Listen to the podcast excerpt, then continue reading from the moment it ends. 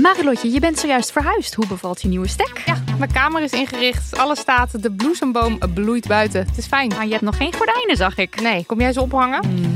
Maar het ding is dus, desondanks alles slaap ik als een koningin dankzij mijn matras van Emma Sleep. Een prinses zonder ert ben jij. Al leg je een ert onder mijn matras, ik denk niet dat ik er last van heb, want het is een hemelsding. En dan heb ik ook nog mijn Emma Diamond Pillow. Jouw slaapkamer is een slaapparadijs. Wil jij dat nou ook? Ga naar emma-sleep.nl en daar vind je moederdag sale met kortingen die oplopen tot wel 50%. En met de code DAMNMONEY aan elkaar eh, komt daar nog eens 10% extra korting bovenop. Mijn naam is Botte Jellema. Jouw naam is Ipe Driessen. Wij zijn van de Eeuw van de Amateur. De Eeuw van de Amateur is een podcast die gaat over... Alles. Het is een eh, podcast over levenskwesties die je niet kunt googlen. Een soort licht neurotische blik op het leven. Het is een podcast met humor. Jezus. Kijk, een grapje. Die, die eh, vragen durft te stellen en die je ook onbeantwoord durft te laten. Mooi. met een regenboogvlagje. Dat, dat noem je queerbot. Dat het regenboogvlagje, dat klinkt echt als een soort... Eh, ik bedoel, iedereen is welkom. Kom ons luisteren in je favoriete podcast-app. Schattenbolle honingkakkies, is het soms tijd voor een tweede mega speciale, super onverwachte bonusaflevering? Hell yes! Welkom bij Damn Honey!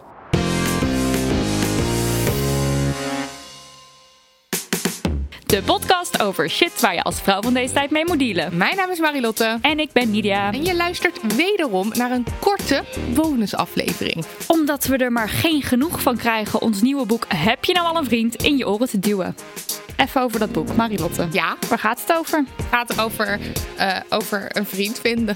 Het hele boek gaat eigenlijk Ja, over hoe je een vriend moet vinden. Het is een soort eh, een manual, een guide. Ja, een manual. Ja. Ja, en dan, en dan aan het eind van het boek heb je als het goed is een Heb vriend. je een vriend? Ja. het is gewoon een zelfhulp Dan- vriendboek. Ja, dan ga je terug naar het begin en dan kan je de vraag beantwoorden met ja. Eh, nee, dat is het niet.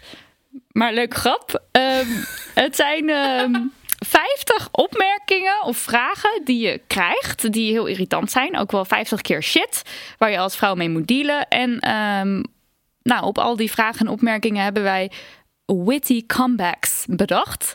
Zodat je bijvoorbeeld aan het kerstdiner ehm, met munitie verschijnt. Ja, en zodat je niet met je mond vol tanden staat. Ja, precies. En eh, vorige keer hebben we voorgelezen. Wat hebben we vorige keer voorgelezen?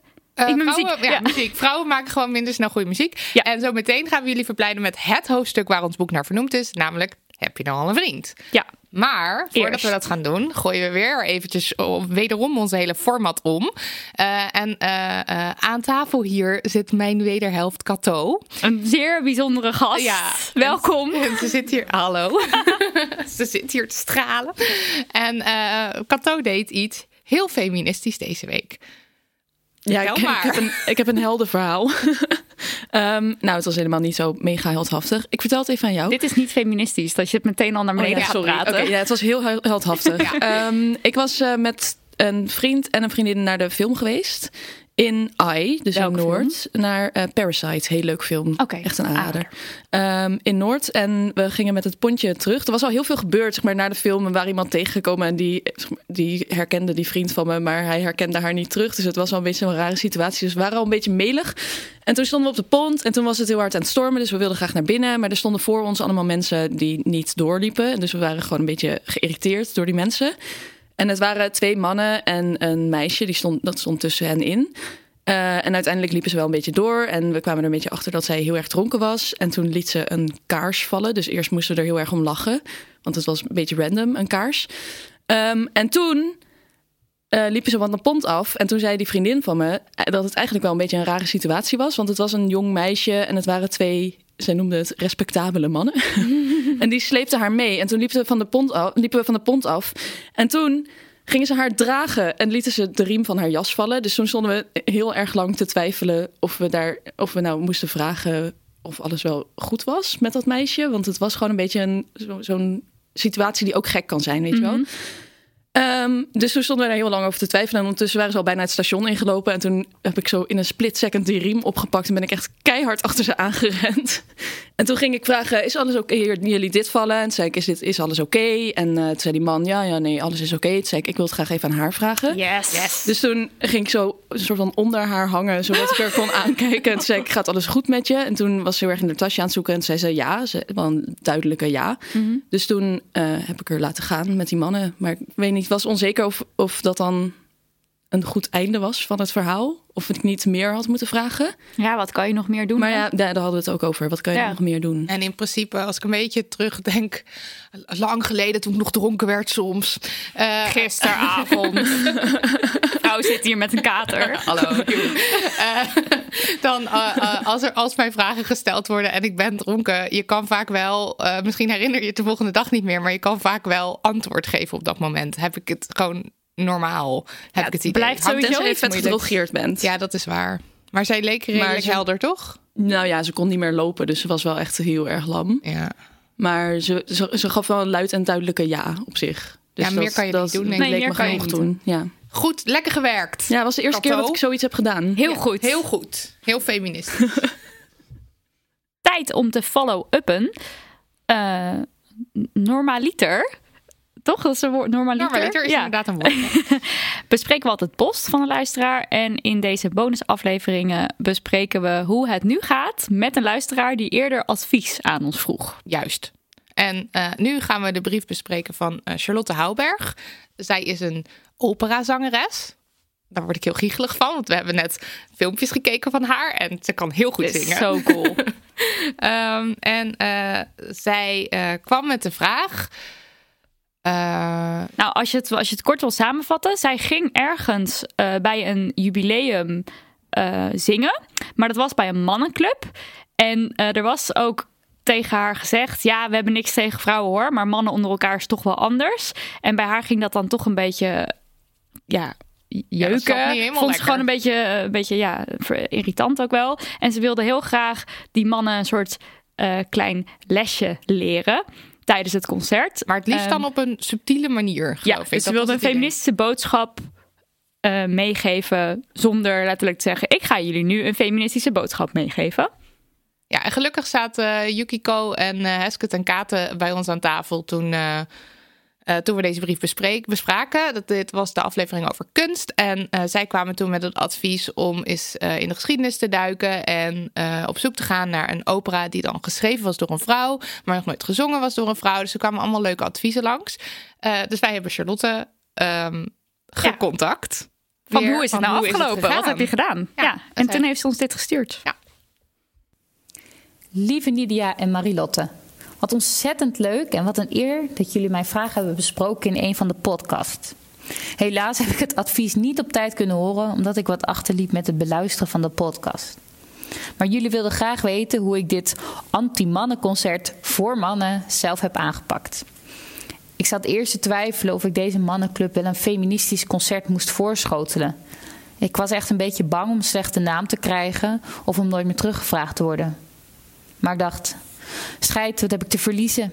Ik trek een mooie vrouwelijke glitterjurk aan, zet mijn allercharmantste glimlach op, gooi er een flinke dosis humor in en ga ze eens vertellen waarom mannen zo irritant zijn voor vrouwen. Ik heb deze feiten over mannen gekoppeld aan wat vrouwenrollen uit de opera door de eeuwen heen ons vertellen.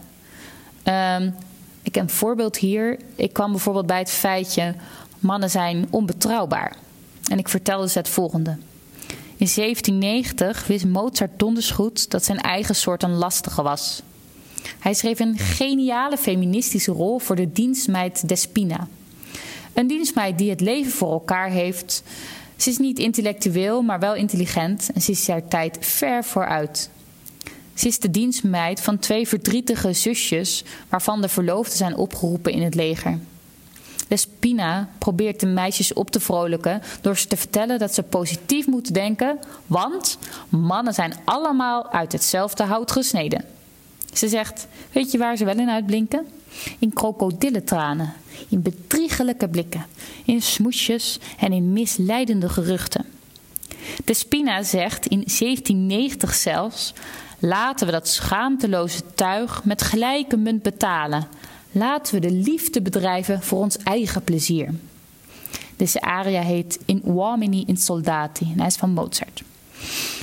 Ehm, zo had ik uiteindelijk negen feiten die gingen van mannen zijn lui naar mannen hebben zelf medelijden tot mannen denken alleen maar aan hun eigen plezier. Ik merkte dat dit concept een groot succes was. Uh, misschien mede doordat de partners van deze man in de zaal zaten en het blijkbaar erg herkenbaar vonden. Het gelach en gegrinnik werd steeds duidelijker en achteraf kreeg ik een stortvloed van complimenten over me heen. Uh, een van de echtgenoten kwam naar me toe en ze vroeg of ik de lijst met feitjes, feitjes wilde opsturen zodat ze ze aan de koelkast kon hangen. Maar ook de organisatie, de mannen zelf, waren erg enthousiast. Ik kreeg wel één grap naar mijn hoofd geslingerd, meermaals. Volgend jaar gaan we het over de vrouw doen. Maar dan moeten we al ochtends beginnen hoor. Ha ha ha. Um, ik wil graag jullie een van de aria's laten horen die ik heb gezongen op het concert. Het feitje hierbij was: mannen kunnen niks afmaken. Uh, dit was heel herkenbaar voor vele vrouwen uit de zaal. Uh, je kent het soort man wel, dat al luid brallend tegen een groepje vrouwen aan hoort.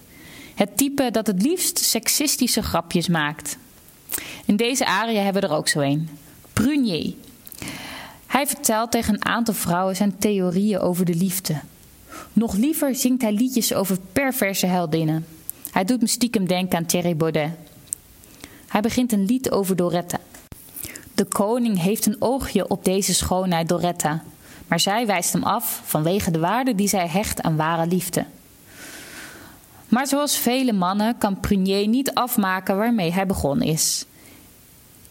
Dus stapte een van de vrouwen uit het groepje naar voren en ze maakt het lied af. Zij zingt dat Doretta verliefd wordt op een arme student. Maar wat maakt rijkdom uit als het uiteindelijk draait om geluk? Chi il bel sogno di Doretta van Puccini.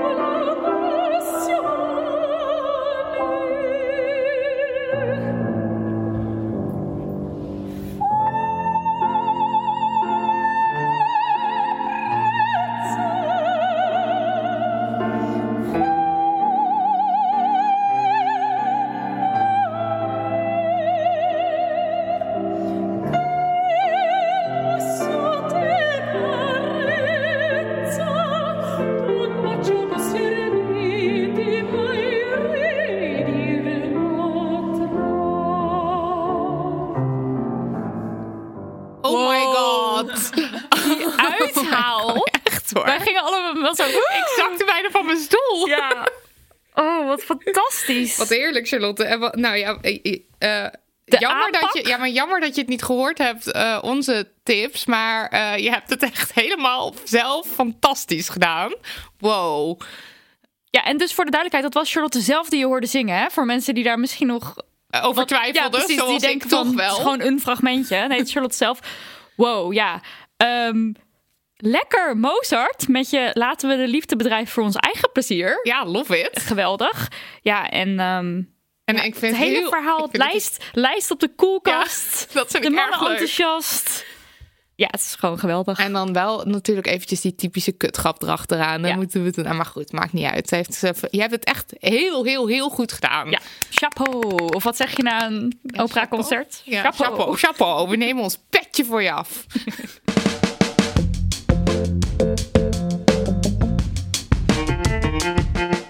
Tijd voor het voorleesuurtje. Wat eigenlijk een voorlees vijf minuutje is. Eh, we dragen voor uit. Heb je nou al een vriend? Het hoofdstuk. Verrassend. Heb je nou al een vriend? Heb je nou al een vriend? Marilotte prevelde iedere kerst, verjaardag, vaste familiedag in februari een schietgebedje dat de classic heb je nou al een vriend niet gesteld zou worden. Maar toch kwam hij vaker wel dan niet. Uiteraard op een moment dat iedereen luisterde.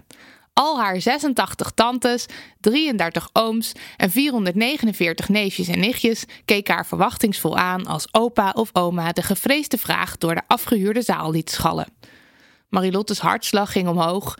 Het zweet brak haar uit en ze hoopte dat haar hoofd niet knalrood werd, want oh wat gênant. Ze was 17, 19, 21 en ze had nog steeds geen vriend. Iets waar ze zich hyperbewust van was, elke dag weer. Want al haar lievelingsseries, boeken, films waren haar lievelings, juist omdat ze bol stonden van de romantiek. De eerste kus tussen Haley en Nathan in One Tree Hill staat haar nog altijd haarscherp voor de geest. Ze had de aflevering opgenomen en keek die scène keer op keer op keer. Ze voelde die scène door haar hele lichaam. De liefde, de dramatiek, dat wilde zij ook. Maar vind maar eens een gekwelde, populaire jongen die helemaal dol op je is en zich tegelijkertijd kapot schaamt voor jullie liefde. Vind überhaupt maar eens een jongen die helemaal dol op je is. Of gewoon een jongen die niet van je walgt. Het zelfbeeld van Marilotte was laag, ver onder nul. Ze snapte zelf eigenlijk ook wel dat ze geen vriendje had. Want wie wilde dit nou? Maar van al deze zware gedachten was haar familie natuurlijk niet op de hoogte. Zij dachten gewoon: waarom heeft ons Lotje geen vriend? Het is zo'n leuke meid. Ondertussen wist ons Lotje nooit wat ze hierop moest zeggen, ondanks dat ze zich al dagenlang druk had zitten maken om deze vraag. Dus zei ze maar: eh, nou, ja, nee, ja, nou, nee, eh, eh, haha, nee, weet ook niet. Terwijl ze een verdwijntruc uitvoerde waar Hans Klok nog een puntje aan kon zuigen. De rest van de week speelde de hachelijke situatie zich in haar hoofd nog oneindig vaak af. Hoe had ze dan moeten reageren? Had iedereen gezien hoe rood ze werd? Waarom had ze nou geen vriend? Nu moest ze toch wel die 15 kilo kwijtraken, want anders zou het nog eeuwen duren. Dat laatste werd bevestigd door haar omgeving met opmerkingen als: Zou je niet wat afvallen, want je wilt toch ook een knappe vriend? Hoezo denkt men toch dat een vriend alles is wat een vrouw wil in het leven? En met men bedoelen we soms ook onszelf. Want reken maar dat het toentertijd Marilotte's grootste doel was in het leven. Wat raar is, want ze is gay. Maar dat ontdekte ze pas toen ze 28 was. Dus niet alleen is de vraag invasief, maar ook nog eens hartstikke heteronormatief. Waardoor gaye mensen soms dus tot hun 28ste denken dat ze niet gay zijn. We snappen op zich wel dat mensen enthousiast zijn over relaties. Als jij zelf de aller, aller, allerleukste relatie in de geschiedenis der relaties hebt, als jouw partner een geweldige aanvulling op jouw leven is en in het geheel geen last, als jullie samen de hele wereld aan kunnen, dan begrijpen we dat jij denkt: ik gun dat alle mensen. Daarom ga ik nu aan iedereen vragen of ze er al bij in de buurt komen. Maar, en dit is een belangrijke maar, doe gewoon maar niet. Weet jij veel waarom iemand geen vriend heeft? Er zijn oneindig veel redenen voor te bedenken en die zijn allemaal persoonlijk. Misschien wil iemand ze met je delen, misschien niet. Het is in ieder geval geen goed idee om de vraag dwars door een afgehuurde zaal te schreeuwen, terwijl er 449 neefjes en nichtjes met gespitste oren zitten te luisteren. En dat jij nou de leukste relatie in de geschiedenis der relaties hebt, wil niet zeggen dat iedereen in een relatie gelukkig is. Maar het idee heerst dat dat wel zo is dat we pas gelukkig zijn met een ander erbij. Een romantische comedy eindigt als de hoofdpersonen bij elkaar zijn gekomen. Een sprookje houdt op waar het leven samen begint. En de meeste liefdesliedjes gaan over die eerste verliefde fase.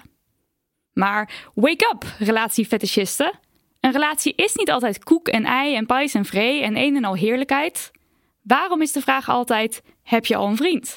Waarom vragen ze niet? Heb je al iemand die stinksokken door je huis laat slingeren? Heb je al iemand met wie je compleet uitgepraat bent en tegen wie je niks meer te zeggen hebt als jullie uit eten gaan? Heb je al iemand van wie de grootouders allemaal nog leven en eisen die grootouders stuk voor stuk dat jullie in het weekend op de koffie komen? Heb je al iemand die zich bemoeit met jouw eigen zuurverdiende knaken, die je maar wat graag uitgeeft aan concertkaartjes voor Beyoncé? Heb je al iemand gevonden met wie je totaal niet op één lijn zit wat betreft kinderwens? Heb je al iemand met wie je de hele nacht jankend en krijsend ruzie maakt, terwijl je juist zo toe was aan een rustig avondje Netflix op de bank? Heb je al iemand die er niet over pijnst de wereld rond te reizen en buiten de gebaande paden te treden, terwijl dat jouw grootste wens is? Heb je al iemand wiens beste vriendin aan de lopende band barbecues organiseert en dat je dan moet komen en zelf eten mee moet nemen en er geen genoegen genomen wordt met gewoon een fruitsalade? Heb je al iemand tegen wie je al twintig jaar aan zit te kijken en met wie je geen seks meer hebt of wilt, terwijl je in principe wel een seksueel wezen bent met behoeftes, maar je blijft toch maar bij elkaar, want hypotheek en kinderen? Dacht je dat we dit verzonnen hadden?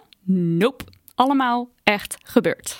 Die eeuwige obsessie met relaties doet toch niemand goed? Het idee dat je pas compleet bent als je een relatie hebt, en blijkbaar per se een hetero-relatie, is er één dat rechtstreeks de prullenbak in mag. Die prullenbak zouden we vervolgens graag overgieten met benzine en in de fik steken, zodat we de overgebleven resten as vakkundig het heelal in kunnen schieten richting een zwart gat waar het nooit meer uit kan komen. De volgende opmerkingen mogen ook meteen mee het zwarte gat in. Jij komt je vriend echt nog wel tegen. Moet ik op mijn hoede zijn? Komt hij achter een muurtje vandaan? Van links? Van rechts? Staat hij nou naar me te loeren in mijn slaap? Ik vind het eng.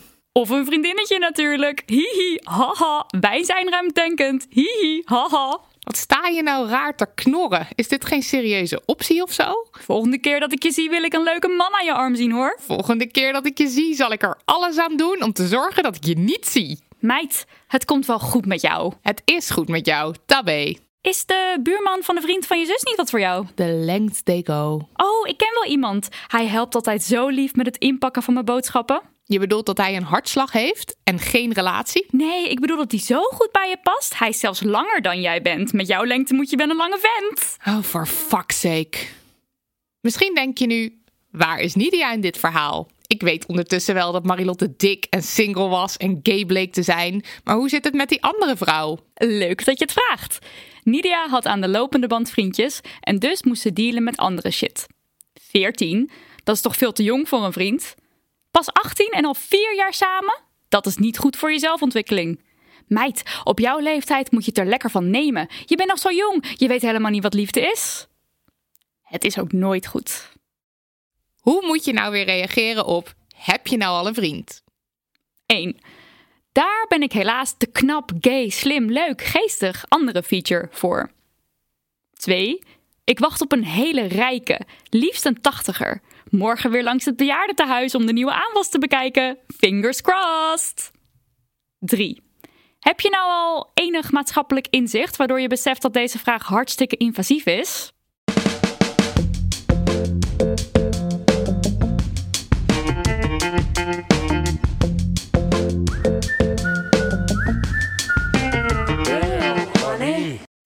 Speciale gast Cato Montaigne. Ook wel de wederhelft van Marilotte Hagen. Heb je deze vraag wel eens gehad? Dat is mijn enige identiteit. Ja, dat klopt. Je bent hier de vriendin ja, van. ja. Eh, ja, ik heb die vraag heel vaak gehad.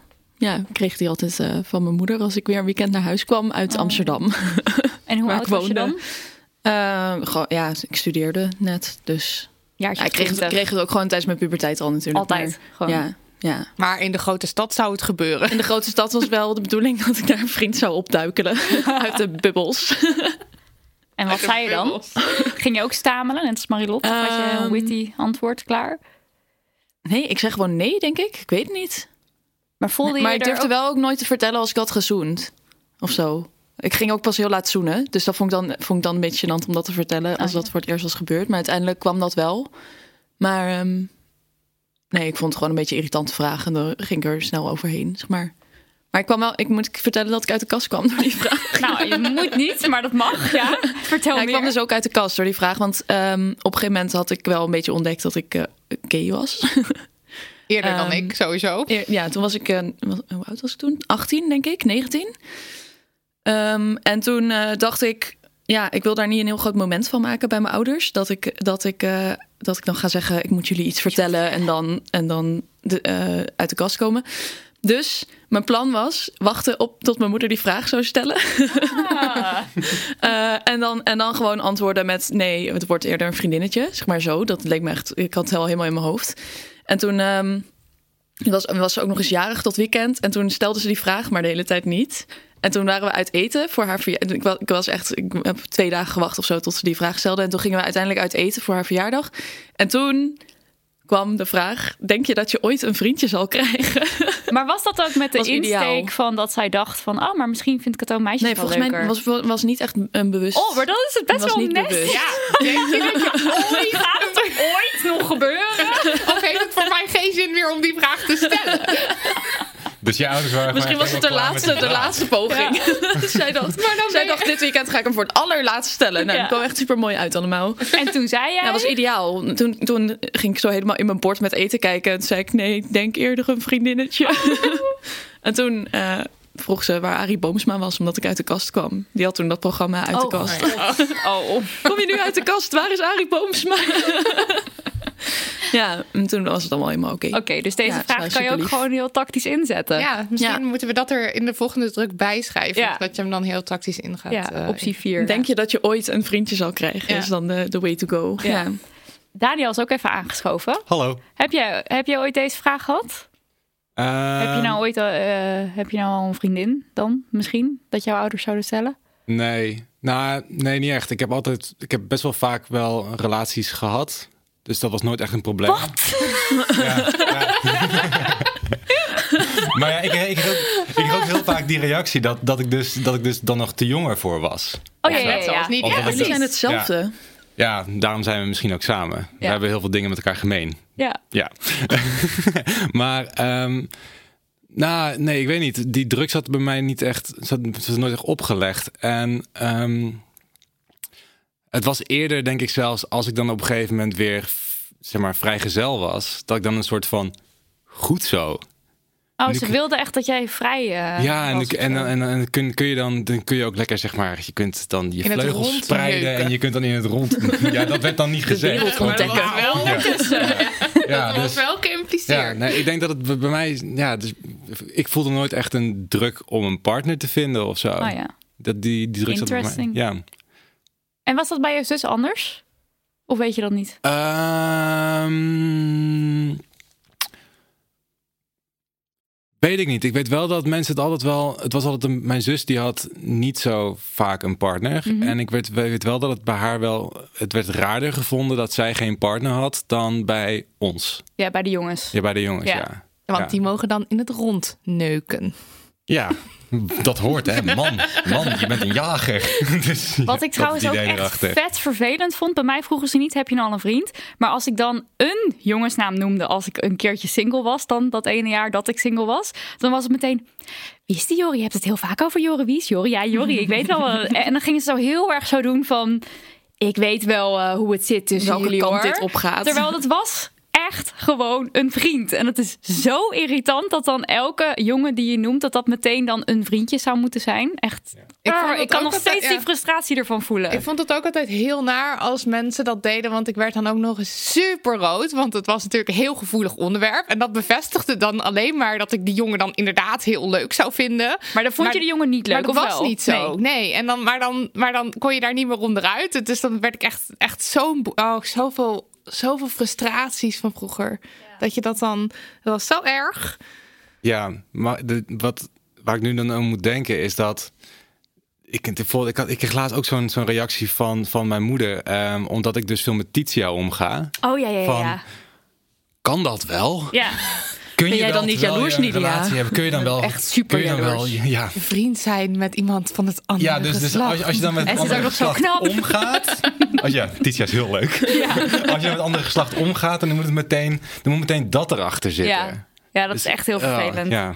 Goed, dat, heb wij, dat heb ik eigenlijk niet, omdat eh, ik heb ook heel veel meisjesvriendinnen, maar dat gaan mensen dan niet vragen aan mij. Nee? En wel meisjesvriendinnen hebben. Nou, kijk, dat is dan weer een voordeeltje. ja. allemaal gay worden. ik mag gewoon allebei de geslachten hebben als vrienden. Ja, want van de ene is het, daar val je toch niet op. En bij de andere is het dus heel normaal om Om vriendinnen vrienden te hebben. zijn. ja. Ja. Interesting, mensen. Interesting. Nou, eh, vriend en- van Nidia, vriendin van Marilot. Ik wil nog één ding zeggen. Want, want als je dan dus, heb je nou een vriend? Nou, dat stadium zijn Daniel en ik dan dus voorbij. En nu krijgen we natuurlijk de hele, Ja. vraag, de hele tijd vraag, ga je Oh ja. samenwonen? We kregen sterker nog, we kregen de vraag, ga je samenwonen? Terwijl we al een paar maanden samenwoonden. Weet je nog, met jouw familie? Ja, ja, er was, er was iemand die vroeg aan mij van... eh, er was Ga je iemand nou die aan mij vroeg... samenwonen? Wordt het nou niet eens tijd na, na, na vijf jaar om te gaan samenwonen? We wonen samen. Ik zei, maar we wonen samen. Oh, maar heb je dan ook een eigen appartement?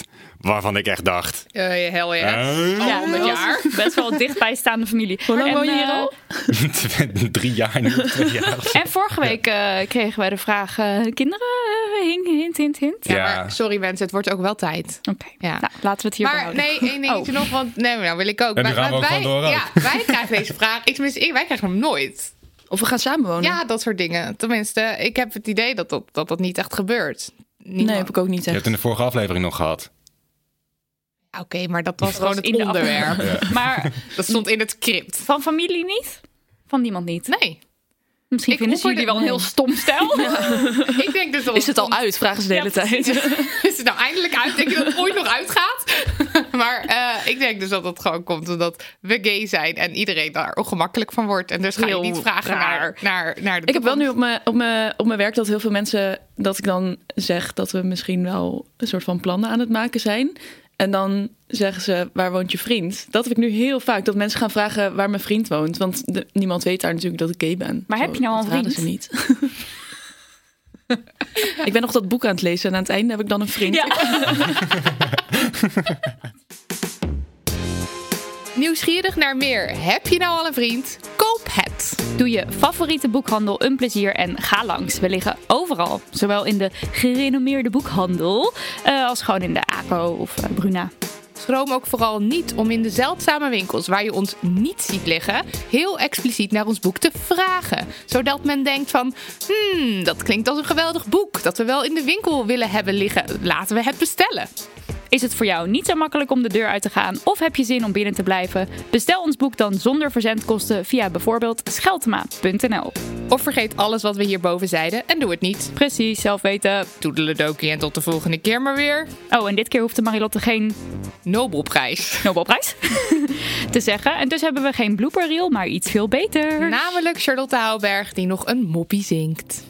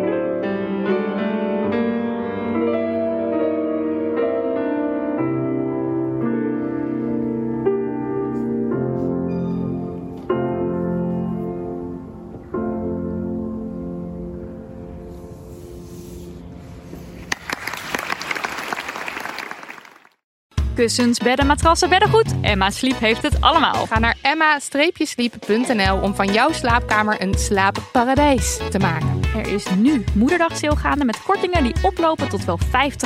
Gebruik de code DAMHONEY voor nog eens 10% korting daarbovenop.